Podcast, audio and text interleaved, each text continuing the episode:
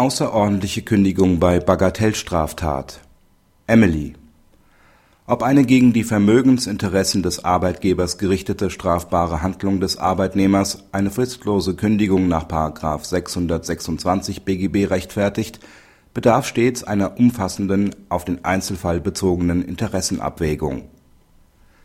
Die Arbeitnehmerin ist als Kassiererin in einem Supermarkt beschäftigt. Sie eignet sich zwei Leergutbons im Wert von 48 Cent und 82 Cent an, die ein Kunde im Supermarkt verloren hat und die von der Arbeitgeberin im Kassenbüro aufbewahrt werden.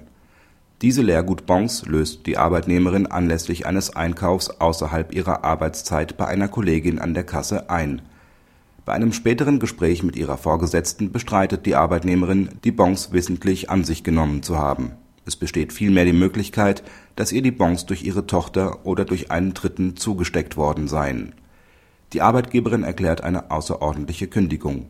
Das BAG hält die Kündigung für unwirksam. Nach den Feststellungen der Vorinstanz ist zwar davon auszugehen, dass die Arbeitnehmerin die streitgegenständlichen Bons tatsächlich im Kassenbüro entwendet und sie zu ihrem eigenen wirtschaftlichen Vorteil verwertet hat, damit liegt an sich ein wichtiger Grund zur fristlosen Kündigung vor zum Nachteil des Arbeitgebers begangene Eigentums oder Vermögensdelikte kommen unabhängig von ihrer Strafbarkeit und unabhängig vom Wert des Tatobjekts und der Höhe des eingetretenen Schadens als Grund für eine außerordentliche Kündigung in Betracht. Es besteht kein Anlass, sogenannte geringfügige Pflichtverletzungen im Vermögensbereich generell aus dem Anwendungsbereich des § 626 BGB auszunehmen die mit dem betroffenen Verhalten ausgelöste Erschütterung der für die Vertragsbeziehung notwendigen Vertrauensgrundlage tritt unabhängig davon ein, welche konkreten wirtschaftlichen Schäden damit verbunden sind.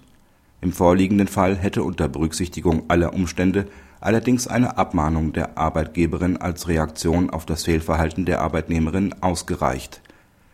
Einer Abmahnung bedarf es nur dann nicht, wenn eine Verhaltensänderung in Zukunft selbst nach Ausspruch der Abmahnung nicht zu erwarten ist oder es sich um eine so schwere Pflichtverletzung handelt, dass eine Hinnahme durch den Arbeitgeber offensichtlich ausgeschlossen ist.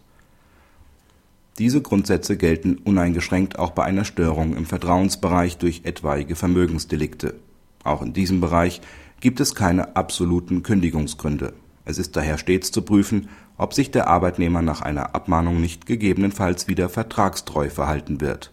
Das ist im vorliegenden Fall anzunehmen Dafür sprechen die Einmaligkeit der Pflichtverletzung und die rund 30-jährige beanstandungsfreie Betriebszugehörigkeit der Arbeitnehmerin sowie der Umstand, dass der Arbeitgeberin, wenn überhaupt, nur ein geringfügiger wirtschaftlicher Nachteil entstanden ist.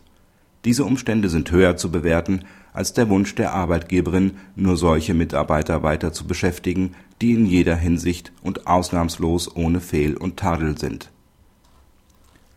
Kritik mit der vorliegenden Entscheidung verlässt das BAG seine bisherige Linie, nach der bei Störungen im Vertrauensbereich, insbesondere durch Eigentums oder Vermögensdelikte, mit einer Wiederherstellung des erschütterten Vertrauens grundsätzlich nicht gerechnet werden kann. Auch wenn es nicht deutlich in den Entscheidungsgründen steht, bedeutet das Urteil nicht nur eine Korrektur, sondern eine vollständige Abkehr von der bisherigen Rechtsprechung. Eine halbwegs verlässliche Einschätzung der Wirksamkeit ausgesprochener fristloser Kündigungen wird damit unmöglich. Am Ende entscheidet allein der jeweilige Richter, welcher Vermögenswert oder welche Betriebszugehörigkeit dazu führen, dass die Kündigung gerechtfertigt ist oder nicht. Es ist schon jetzt absehbar, dass die neue Rechtslage zu einem unübersehbaren Wirrwarr von Instanzgerichtsentscheidungen führen wird. Den Rechtsanwendern und betroffenen Arbeitnehmern ist damit nicht geholfen